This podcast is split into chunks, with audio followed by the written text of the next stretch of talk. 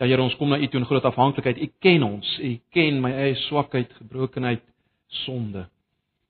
Maar dankie dat ons met vrymoedigheid ver oggend kan kom, juis op grond van dit wat ons ver oggend weer so duidelik gaan sien. En ons kan van U vra, Here, kom, praat met ons, kom werk met ons. Ons U liggaam. Verander ons denke. Verander ons wil. Lanseer ons vir U saak in hierdie wêreld, U koninkryk, vir die evangelie. Asseblief. En ja Here, ons wil nou net weer eens vra dat U Uself ook vanoggend by daardie kamp sal verheerlik. Op 'n wonderlike wonderlike manier. Asseblief in Jesus se naam. Amen. Nou, ons gaan saam lees Romeine 3 vers 21 tot 26. Uh die rede hoekom ons nie tot by vers 31 lees nie, ek dink vers 27 vanaf vers 27 pas eintlik beter in by hoofstuk 4, so as die Here wil sal ons volgende week daarna kyk. Ek wil dat ons vanoggend uh, die uh, 53 vertaling lees. En die groot rede is maar julle sal nou al weet die 53 vertaling ver, uh, vertaal nie die woord geregtigheid, dan die woord geregtigheid vervang met die vryspraak wat God gee en ek dink tog daar lê 'n bietjie meer agter die grondwoord uh het meer in as as as net die vryspraak. Dis hoekom wil hy ons moet die 53 vertaling lees. Goed vers 21. Maar nou is die geregtigheid van God geopenbaar sonder die wet terwyl die wet en die profete daarvan getuig die geregtigheid naamlik van God deur die geloof in Jesus Christus vir almal en oor almal wat glo, want daar is geen onderskeid nie. Want almal het gesondig en dit ontbreek hulle aan die heerlikheid van God. En hulle word deur sy genade sonder verdienste geregverdig deur die verlossing wat in Christus Jesus is. Hom het God voorgestel in sy bloed as 'n verzoening deur die geloof om sy geregtigheid te bewys deurdat hy die sondes ongestraf laat bly het wat tevore gedoen is onder die verdraagsaamheid van God, om sy geregtigheid te toon in die teenwoordige tyd, sodat hy self regverdig kan wees en regverdig maak wie uit die geloof in Jesus is. Lees net sover.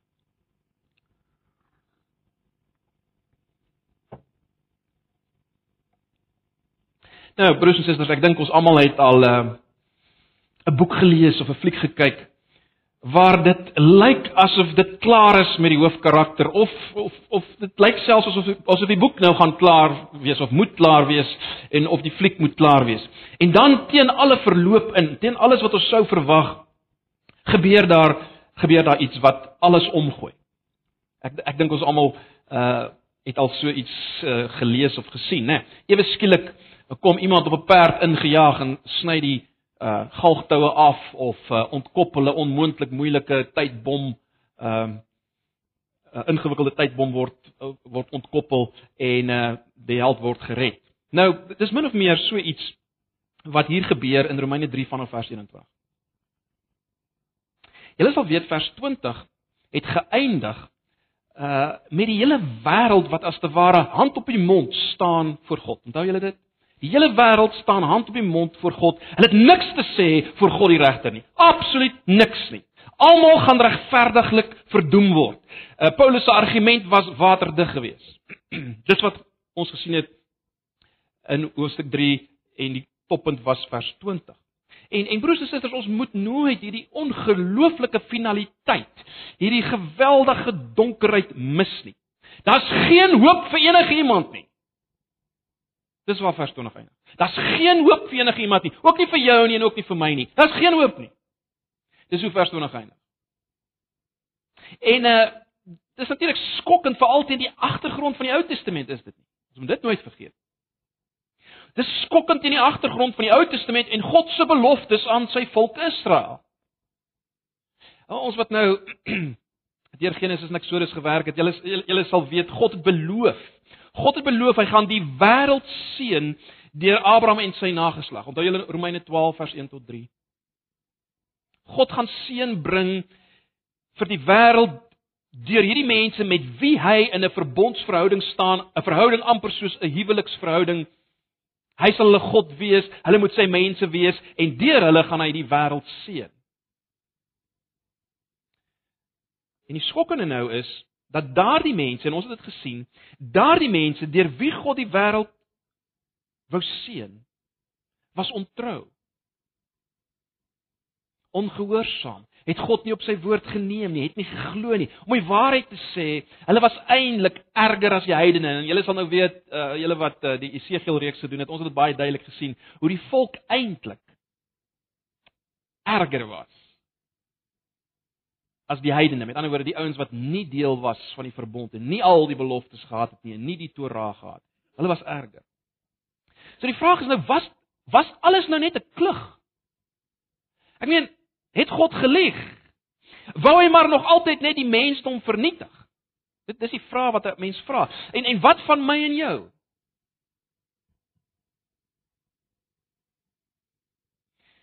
Paulus kom nou hier in hoofstuk 3 vanaf vers 21 en hy sê as te ware ja, dit lyk so, maar nou, maar nou, nou is die geregtigheid van God openbaar sonder die wet terwyl die wet en die profete daarvan getuig.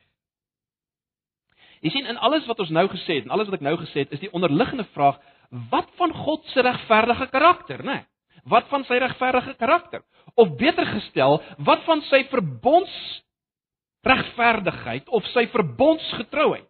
En dis hoekom ek al uh, reeds uh, aan die begin van Romeine gesê het ek verkies om God se geregtigheid. Nou dis 'n moeilike begrip en dis hoekom die vertalers ook bietjie wegskram daarvan. Uh dis 'n moeilike begrip, maar dit lyk vir my die beste om God se geregtigheid te verstaan as jy praat van God uh, uh, uh, uh iets wat by God hoort, 'n eienskap van God. Die beste manier om dit te vertaal volgens my is om dit te vertaal met God se verbonds regverdigheid of sy verbondsgetrouheid. En dis die groot vraag, wat het geword van God se verbondsgetrouheid? Sy verbondsregverdigheid. Dis dis die groter prentjie. En nou kom Paulus in vers 23 en hy sê dis nou geopenbaar. Dis nou gewys. Met ander woorde nou in die Nuwe Testamentiese tyd. In die tyd van Jesus. Dis nou gewys. En Paulus sê dit word gewys of geopenbaar, bekend gemaak sonder die wet. En dit is belangrik dat Paulus dit sê. Met ander woorde daar is 'n om die groot woord te gebruik, daar is 'n diskontinuïteit met dit wat was. En dit is baie belangrik want as God se geregtigheid net weer deur die wet, die Torah sou kom, dan was daar weer eens nie hoop vir die wêreld nie, let wel nie vir my en jou nie. Dan was dit weer net gefokus op die Jode. Dan was daar nie hoop vir my en jou nie, vir die heidene nie.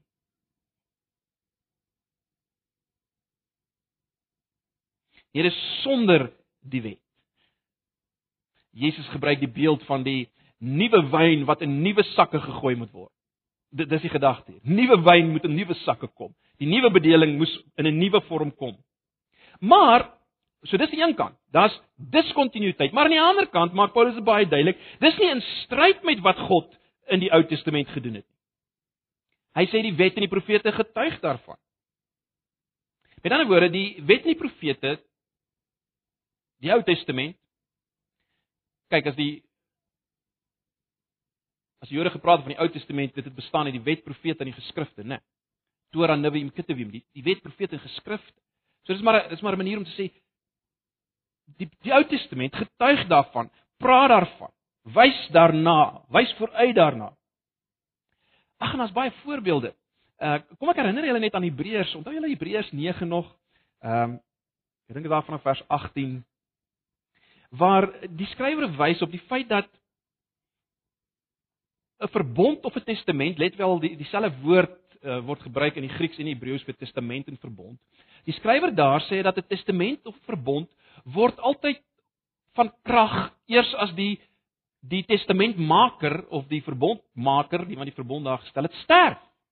Dit is net 'n feit. Julle julle sal weet, uh, ek meen jy gaan nie die uh, testament kry as die persoon wat die testament geskryf het nie sterf nie. En dan kom die skrywer in Hebreërs en hy wys dat in die Ou Testament met die bekragtiging van die verbond is alles besprinkel met bloed, die bloed natuurlik van van diere. Maar die hele punt wat die skrywer daar wil maak is dit. Luister, dit wys vooruit na die feit dat die verbondmaker uiteindelik gaan sterf, dat sy bloed gesprinkel gaan word om reiniging te bring. So dis maar een voorbeeld wat die wat die wat die Ou Testament al vooruit wys na na iets meer, na 'n tyd wat God iets gaan doen om sy regverdige karakter te wys. Wie dink aan die profete? Dit is nou iets wat uit die wet uitkom, né? Nee.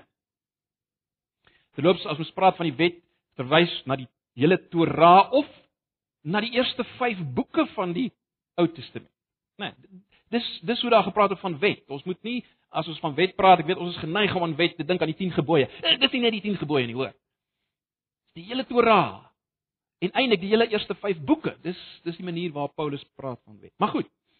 As ons kyk na die profete spesifiek, dan sien ons in 'n in 'n boek soos Habakuk, uh, julle ken die vers, Habakuk 2 vers 4, uh, sien ons daar word reeds gesê dat die regverdige deur die geloof sal lewe.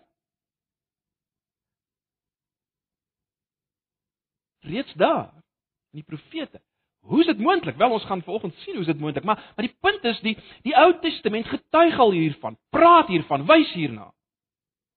So daar is 'n kontinuïteit met dit wat was. Die vraag is hoe kan God getrou wees aan al sy beloftes? Hoe kan hy getrou wees aan al sy beloftes aan aan Israel en sy plan om die wêreld te red deur hulle. Hoe kan hy hoe kan hy dit doen? Of bietjie anders gestel, hoe kan God op 'n regverdige manier mense in die regte verhouding met hom bring? Die antwoord is dit. Deur een regverdige getroue Jood, Jesus. En nou wil ek 'n opmerking maak oor vers 22. As ons eers net kyk na die uh, 53 vertaling, sal jy sien dit lees so die geregtigheid naamlik van God deur die geloof in Jesus Christus vir almal en oor almal wat glo. Uh ook die 83 vertaling wat baie van julle in julle hande het, praat van maar deur in, hy praat van die vryspraak en dan sê hy maar deur in Jesus Christus te glo en dan God gee dit sonder onderskeid aan almal wat glo. Maar daar's natuurlik 'n ander manier om dit te vertaal. So ek wil nou 'n opmerking maak oor die vertaling. Daar's 'n ander manier om hierdie vers te vertaal wat taalkundig absoluut korrek is en volgens my eintlik meer aanvaarbaar is, meer korrek sou wees. Wat ons hier kry in vers 23, ag in vers 22 is 'n is 'n sogenaamde ag eh, dis 'n bietjie tegnies maar eh, ek dink is tog net belangrik op hierdie punt. Ons kry 'n soort van 'n eh, of, of 'n sogenaamde genitief konstruksie wat gewoonlik dui op uh besit. As jy praat van hierdie ding behoort aan hierdie persoon, hierdie ding van iemand, dan vertaal jy dit met 'n genitief in die Grieks. Maar jy kan ook die genitief soms anders vertaal en in hierdie geval uh kan Jesus of die voorwerp van hierdie genitief geloof wees. Met ander woorde, jy kan praat van geloof in Jesus, soos dit vertaal is in die 53 en in die meeste vertalings. Of jy kan praat van die geloof van Jesus. Of jy kan praat van die geloof van Jesus, dan is Jesus die die onderwerp van die genitief geloof. Dan kan jy praat van die geloof van Jesus. Uh as ons net die volgende skyfie daar kry. Jy sal sien die die King James version en die uh, international international standard version het dit so vertaal. Die King James sê even the righteousness of God which is by faith of Jesus Christ unto all and upon all them that believe. For there is no difference. En dan die International Standard Version, God's righteousness through the faithfulness of Jesus Christ for all who believe, for there is no distinction. Nou ek weet broers en susters dat die meeste vertalings uh het die vertaling geloof in Jesus en dan vir die vir almal wat glo. Nou my my persoonlike opinie, dis bloot my persoonlike opinie en is, is nie noodwendig ges, uh, noodwendig gesag van my persoonlike opinie waarom dit so vertaal word is maar bloot omdat ek dink vertalers wat natuurlik dikwels nie self teoloos nie en is ook reg dat hulle nie teoloos nie, hulle moet vertalers wees, hulle moet die taal ken. Uh maar maar daar word ek dink weggeduins van die gedagte van geloof van Jesus want dit gaan tog heeltyd oor ons wat in hom moet glo, né? Nee. Maar binne die groter prentjie maak hierdie vertaling van die King James en die uh, International Standard Version natuurlik meer sin. Dit maak vir my meer sin in die groter argument. Let net 'n bietjie op, as jy die as jy dit vertaal, kom ons gaan net terug na die na die vorige vertaling toe. Uh as jy dit vertaal met die geloof in Jesus, as jy daai opsie vat, dan dan sit jy eintlik met 'n herhaling van dieselfde ding. sien julle dit? Hierdie geloof in Jesus Christus vir almal en oor almal wat glo. Eh, dit is dieselfde ding twee keer. Maar dan natuurlik in die lig van die groter argument of die groter prentjie uh maak dit vir my meer sin om te vertaal hier in vers 22 met die geloof van Jesus. Net so terloops, ehm uh, presies dieselfde genetief konstruksie kry ons in Romeine 4 vers 16, uh, waar hy gepraat het van die geloof van Abraham. En niemand sal dit daar vertaal met geloof in Abraham nie, maar goed. Dit is geloof van Abraham. So as ons daardie vertaling vat, kom ons kom ons staan terug. Wat is die groter prentjie? Hoe bly God getrou aan sy verbondsbeloftes? Hoe wys hy sy verbondsgetrouheid of regverdigheid? Wel deur die getrouheid van Jesus. Deur die getrouheid van Jesus, deur die geloof van Jesus. Uh dink net vir 'n oomblik terug na na Hebreërs 11 en 12 wat ons gedoen het. Onthou julle Hebreërs 11 en 12 nog? Ek weet dit is nou ruk terug. In Hebreërs 11 kry ons so 'n lang lys van geloofshelde. En wie is die geloofsheld aan die einde van al die geloofshelde in die begin van hoofstuk 12? Jesus. Jesus. Hy's die hy's die finale geloofsheld. Hy's die begin en die volëinder van die geloof.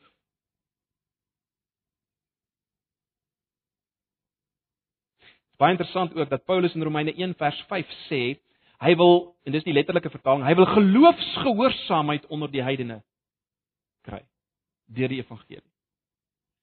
Geloof en gehoorsaamheid vertaal die 83 vertaling. Broers en susters, Jesus wys of Jesus se geloof, as ek dit so kan stel, Jesus se geloof in God wys in sy gehoorsaamheid aan God se plan vir hom Jesus is die getroue Israeliet. En dis baie belangrik. En omdat hy getrou was, omdat hy gedoen het wat niemand anders kon doen nie, wat ons nou na gaan kyk. Uh niemand kon dit doen wat hy gedoen het. Nie nie Jood nie, nie Heide nie, geen mens nie. En juist daarom is daar nou hoop vir almal in vers 22b. Daar's hoop vir almal en oor almal wat glo, want daar's geen onderskeid nie, vers 22b. Nou is daar hoop vir almal as gevolg van Jesus. Daar's geen onderskeid meer tussen Jood en Heide nie. Daar's geen onderskeid meer tussen bevoorregtes en minder bevoorregtes nie. Daar's geen onderskeid meer tussen slimmes en dommes, rykes en armes nie, want ons het gesien, almal staan skuldig voor God. Almal moet regverdig verdoem word. Let wel vers 23, almal ontbreek aan die heerlikheid van God. Ag net as dit nie gesien nie. Onthou julle 3 vers 9 tot 20. Die prentjie wat daar geskets word is juis dit: mense wat ontbreek aan die heerlikheid van God. Nou 'n ander manier om die heerlikheid van God te vertaal of te verstaan is maar net om terug te gaan na Genesis 1, né? Nee, die mens is geskape na die beeld van God. En wat sien ons uiteindelik as Jesus kom? Onthou julle Johannes 1 vers 14? Ons sien die heerlikheid van God wat straal uit Jesus. Of as jy wil die beeld van God. Hy word eksplisiet word Jesus die beeld van God genoem in 2 Korintiërs 4 vers 4 en Kolossense 1 vers 15. Uit Jesus straal die heerlikheid van God en daardie die heerlikheid wat uit hom uitstraal is ten diepste natuurlik liefde, liefde vir God, liefde vir mense. En broers en susters, dis wat mense nie meer het nie. Dis wat ek en jy nie meer het nie. Ons ontbreek aan die heerlikheid van God. Ons het dit nie meer nie. In die sin wat ons dit moet hê. Dit ontbreek ons aan die heerlikheid van God.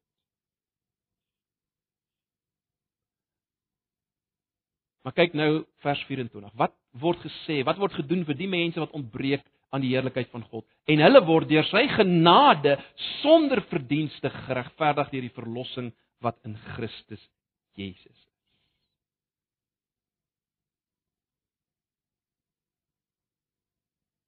Genade sonder verdienste. Dis geweldige woorde, is dit nie? Genade. Met ander woorde, onverdiende guns aan die mense wat nie net dit verdien nie, hulle verdien die teenoorgestelde. Ons het gesien wat verdien hulle. Hulle verdien die oordeel van God. En aan hulle word die teenoorgestelde bewys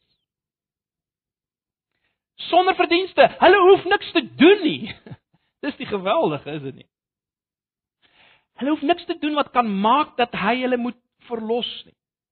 Dat die woord verlos wat hier gebruik word uh die verlossing, die woord verlossing wat daar gebruik word is 'n baie belangrike woord. Dis is die woord verloskoop. Dis gewoonlik die woord wat gebruik word as slawe losgekoop is. En nou as jy terugdink aan Romeine 3 vers 9 het ons gesien Paulus sê almal is onder sonde, let wel. Hy het nie gesê almal sondig nie. Hy het gesê almal is onder sonde. En en en die betekenis het ons mekaar gesê is dit ons is onder die heerskappy van sonde. Ons staan onder sonde. Ons is slawe van sonde. Ons dien sonde. Ons is gevangenes van sonde. Dis die gedagte. Dis natuurlik 'n beeld wat uit die Eksodus uitkom, hierdie beeld van verlossing, die woord verlossing. Dit kom uit uit die Eksodus uit. In in die Eksodus weet julle was Israel slawe van Egipte en van Farao en God bevry hulle daaruit deur die Pasgebeure heen, Pasga gebeure heen. Hy bevry hulle, hy verlos hulle van hierdie slawerny. Nou is mense onder die mag van sonde en die slawerny van sonde. En wat God gedoen het in Jesus, die getroue Israeliet, bevry ons daarvan. Maar hoe kan dit God dit op regverdige manier doen? Hoe kan God dit op 'n regverdige manier doen? Sonder om op te hou om God te wees. Sonder om ontrou te wees aan homself en sy verbond. Hoe kan hy dit op 'n regverdige manier doen? As jy kyk na vers 25 word daar verwys na sondes wat hy ongestraf laat bly het uh in die verlede. Met ander woorde in die Ou Testament het dit het dit as mens na die Ou Testament kyk, lyk dit amper asof God op 'n stadium nie heeltemal regverdig is nie. Hy, hy hoekom verdoem hy nie die mense nie? Hy kan hulle tog nie vergewe op grond van diere wat geoffer is nie. Hoekom doen hy nie iets daarin? Is hy nie is hy nie onregverdig? En die antwoord word ook gegee in vers 25. As daar staan hom, dis Jesus het God voorgestel in sy bloed as 'n verzoening deur die geloof. Hom het God voorgestel. Nou die hom waarvan hy praat is natuurlik Jesus. God het hom voorgestel, gegee. Nou dis dis presies die woorde wat gebruik word as die priester 'n offer voor God gebring het. Uh en en die woord wat nou vertaal word met versoening daar is is ook 'n baie insiggewende woord, dis die woord hilasterion wat letterlik in die Griekse vertaling van die Ou Testament word die versoensdeksel op die ark word vertaal met die woord hilasterion. Dit dis dis die woord wat daar gebruik word. Die versoensdeksel op die verbondsark, let wel. Uh word vertaal met die woord hilasterion. Nou wat daar gebeur het in die Ou Testament is dat die bloed van die offers wat geoffer is op die groot versoensdag in Levitikus 16 is gesprinkel op hierdie versoensdeksel as bewys as as as bewys dat God tevrede gestel is God se oordeel tevrede gestel is en dat versoening bewerk het. Mens mens sou met ander woorde letterlik kon vertaal God het Jesus voorgestel as versoensdeksel. Maar ons weet dit klink 'n bietjie vreemd, né? Nee. Maar maar die, die Jode sou dit verstaan het. Hulle sou dit verstaan het, dit sou sin gemaak het vir hulle. Met ander woorde, dit beteken dat Jesus het aan die een kant God se oordeel, die oordeel waarvan Romeine 1 vers 18 al praat. Jesus het dit op hom geneem. Hy is geoordeel in die plek van ons wat geoordeel moes word. Hy neem dit op hom. As plaasvervangende offer. Neem hy die oordeel van God op hom en die Engelse woord wat daarvoor gebruik word is propitiation. Dis wat hy bewerk. Maar dis meer as dit. Hy het nie net die oordeel op hom geneem nie. As gevolg van wat hy gedoen het, het daar verzoening gekom en dis die twee begrippe wat eintlik saam lê in uh elasterium, die die Griekse woord. Daar's verzoening bewerk. Daar's verzoening bewerk. So die punt wat Paulus wil maak is dit. Jesus se offer was beide effektief vir dit wat vir die sondes wat gedoen is in die verlede en die sondes wat nou gedoen word. Jesus se offer het daarvoor betaal. Jy sien broers en susters, enige iemand wat in die Ou Testament vrygespreek is, aanvaar is vir God, die enigste rede hoekom hy of sy aanvaar kan word vir God is die feit dat Jesus uiteindelik gesterf het vir daai sonde. Dit dit is die enigste manier. Dis dis hele punt, né? Nee. Dis die hele punt. En nou vers 26. God doen dit om sy geregtigheid te toon, sy verbondsgetrouheid in die teenwoordige tyd sodat hy self regverdig kan wees en regverdig maak wie uit die geloof in Jesus is.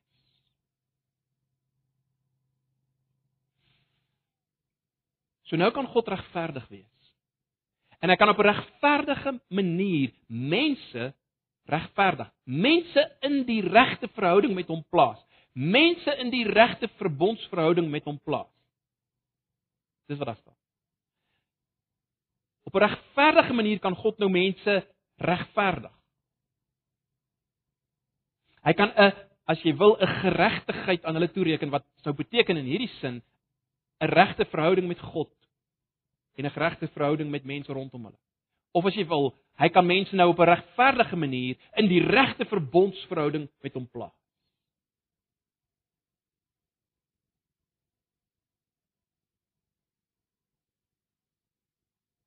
Alles as gevolg van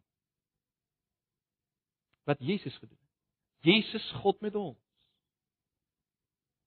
God wys sy verbondsgetrouheid en geregtigheid. En dit wat Jesus God wat mens geword het gedoen het as getroue Jood. As getroue Israeliet. Baie baie belangrik. Hoekom kan God dit doen? Hoekom kan hy dit doen? Hoekom kan hy mense in die regte verhouding met hom stel bloot as hulle glo? As hulle hom op sy woord neem, as hulle dit vat. Wel as gevolg van die feit broers en susters dat hulle sonde op hom gelaai is. Hulle verbreeking van die verbondsverhouding, hulle ongeloof, hulle hulle ontrou word gelaai op Jesus en nou kan hulle deur geloof sy verbondsgehoorsaamheid kry. Sy getrouheid, sy geloof, soos ons net nou die vertaling gesien het, sy getrouheid. Bloot deur na hom te kyk. So hulle ongeloof, hulle ontrou is reeds gestraf, regverdiglik gestraf met die dood. Jesus se dood. En hulle ontvang sy getrouheid deur blote geloof in hom. So wat God wys in Jesus is, hy wys hy's regverdig deurdat hy regverdiglik en onpartydig let wel handel met sonde. God wys hy bly getrou aan sy verbond, maar hy wys ook hy bly getrou aan die wat na hom roep vir redding. Kom ek stel dit alles anders. God se absolute liefde en God se absolute regverdigheid word gesien in dit wat gebeur in Jesus en ons regverdigmaking deur die geloof in hom. God se absolute liefde en sy absolute regverdigheid ontmoet mekaar as te ware in dit wat gebeur aan die kruis. Ag, daar's 'n ou storieetjie wat ek altyd vertel en julle het dit al waarskynlik ge, uh, gehoor dit dit, dit verduidelik iets van van wat ons hier sien. Nie, nie alles nie, hoor. En en altyd is daar gebreke in voorbeelde en storieetjies, maar dis 'n verhaaltjie van van 'n hoofman, kom ons sê 'n uh, van 'n Indiaanse stam daar iewers in Amerika. Die die hoofman het het twee wette gehad. Twee wette gehad. Jy moet jou ouers lief hê en respekteer en jy mag nie steel nie. Die straf vir oortreding van beide was die doodstraf. En wat toe gebeur oor tyd uh het het die mense van hierdie stam agtergekom dinge word gesteel, dinge raak weg. En uiteindelik op 'n dag het hulle die oortreder gevang. Dit was die hoofman se ma. Sy het gesteel.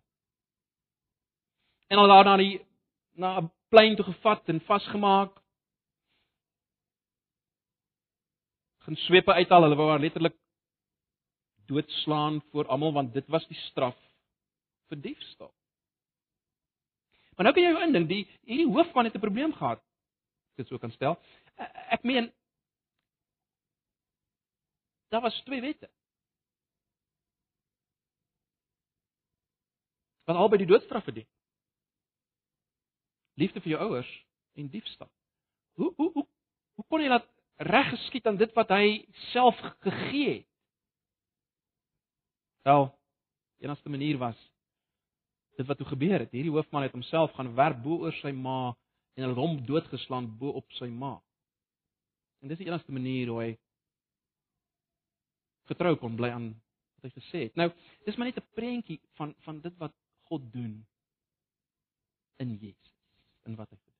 Nee, dis net 'n prentjie. Ag broers en susters, kom ons bring dit net vir 'n oomblik nader aan ons lyf. Hierdie is werklik waar die beste nuus wat daar kan wees, nee, die beste nuus in die kosmos, as ek dit so kan stel. Uh dis die nuus wat ek en jy en let wel, dis die nuus wat elke mens op aarde nodig het. Al weet hulle dit nie eers nie. Dis eintlik waarna hulle soek. En hulle soek na baie ander dinge. Dis dit. Dis wat hulle soek, om in die regte verhouding met God te kan staan. So wat ons hier sien is dat God getrou gebly het aan sy verbondsbeloftes en dat die wêreld nou uh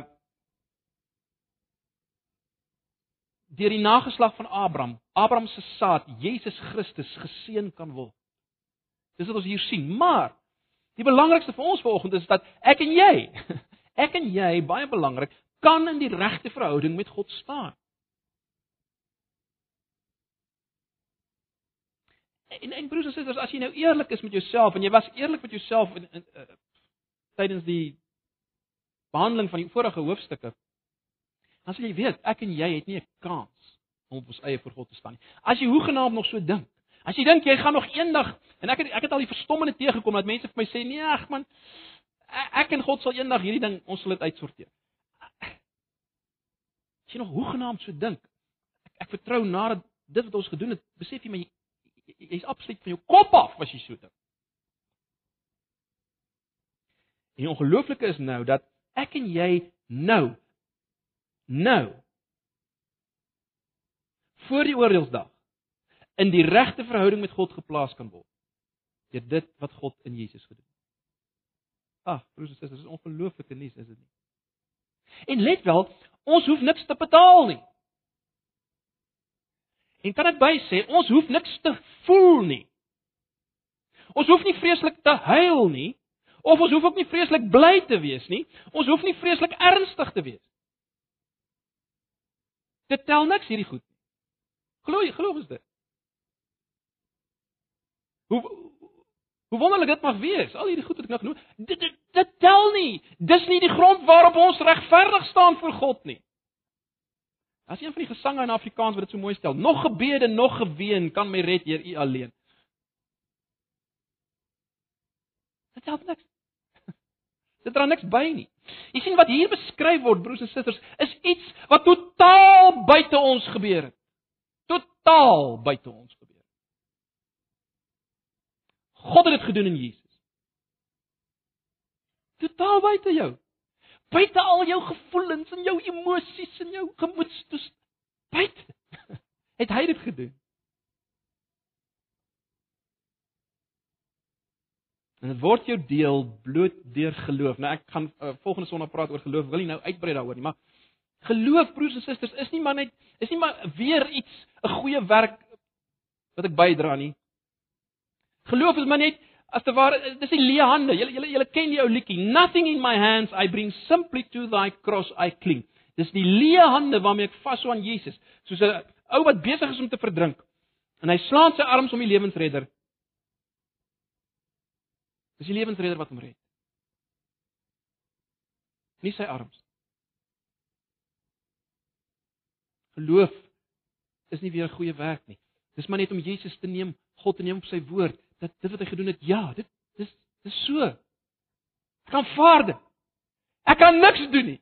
Jy sien dis die doodsvonnis oor enigiets wat ek van my kant af kan doen. Ek kan nie sê maar ek het darm, ek was darm ernstig nie. Ek het darm sondig gevoel nie.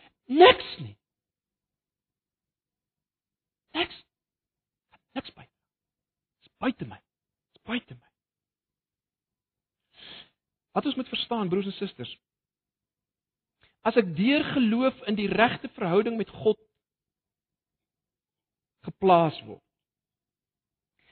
As sy geregtigheid om die woorde te gebruik aan my toegereken word. Beteken dit nie ek het in myself regverdig geword nie. Ek het nou 'n bietjie beter geword. Ek het nou 'n bietjie beter geword en nou staan ek in die regte verhouding met God. Nee. Martin Luther het die term gebruik simul justus et peccator. Dit beteken in Latyns te gelyketyd regverdige, te gelyketyd sondaar. Dis die wonder van die evangelie. Dat ek en jy kan as sondaars En as ons by Romeine 4 kom, kan ons gaan ons sien as goddeloos in die regte verhouding met God verklaar word, gestel word op grond van iemand anders se lewe. Dis wat 'n Christen is.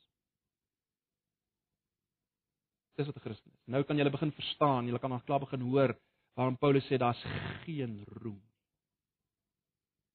Niks. Dis regverdigheid buite my wat aan my toegereken word. Natuurlik word ek nie daar gelos nie, dis nie wat ek sê nie. Maar die oomblik as ek in die regte verhouding met God geplaas word, is dit op grond van broers en susters, iets totaal buite my, op grond van dit wat gebeur het in Jesus. Net deur die geloof. Ek aanvaar. Ag, en ek vertrou as ons kom by Romeine 6, dan gaan ons nog meer verstaan van hierdie geweldige ding wat gebeur het. Maar ons moet dit ver oggend so vat. Ons moet dit vat. Ek is absoluut aanvaarbaar voor God in Jesus. Ek het al baie gesê ek, ek sê dit weer ek sluit daarmee af. Ek kan nie meer aanvaarbaar raak voor God as wat ek reeds is in Jesus. Hoor ons dit? Ek kan nie meer aanvaarbaar word voor God as wat ek reeds is in Jesus. En die ander kant is net so waar. Ek kan nie minder aanvaarbaar word vir God as wat ek reeds is in Jesus nie. Niks wat ek doen kan my minder aanvaarbaar maak voor God as wat ek reeds is in Jesus. Niks kan dit verander.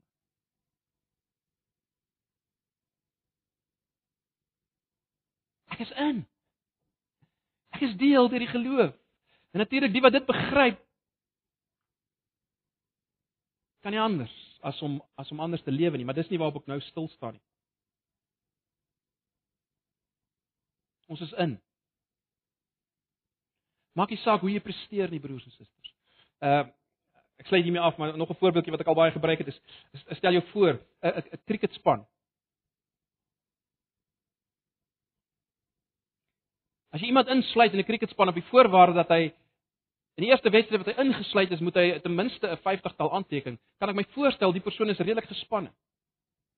En die kans is goed dat hy dit nie gaan maak. Dat hy sleg gaan kop.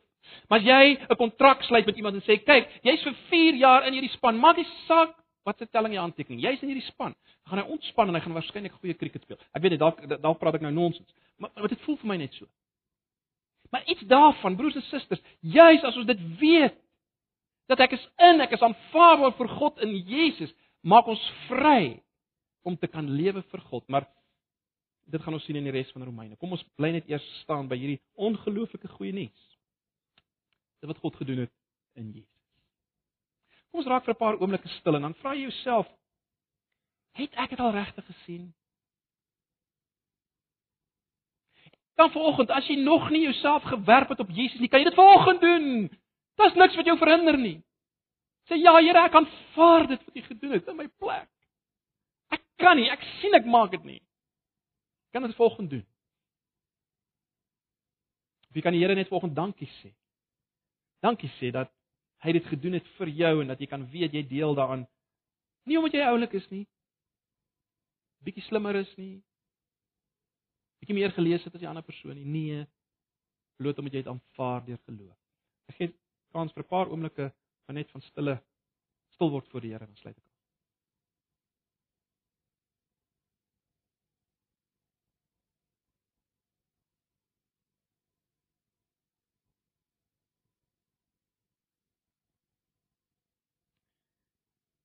Here, dankie vir u woord. Dankie vir die verlossing wat daar is in Christus Jesus. Dankie dat ons kan deel wees van hierdie ongelooflike werk van U. Nou Here, is nou my gebed dat dit ons ook juis sal lanceer om rondom ons te kyk na mense en hulle raak te sien en hulle nood raak te sien sonder U gebruik dit wat ons vanoggend gehoor het om ons as te ware uit te verkoop aan die evangelie.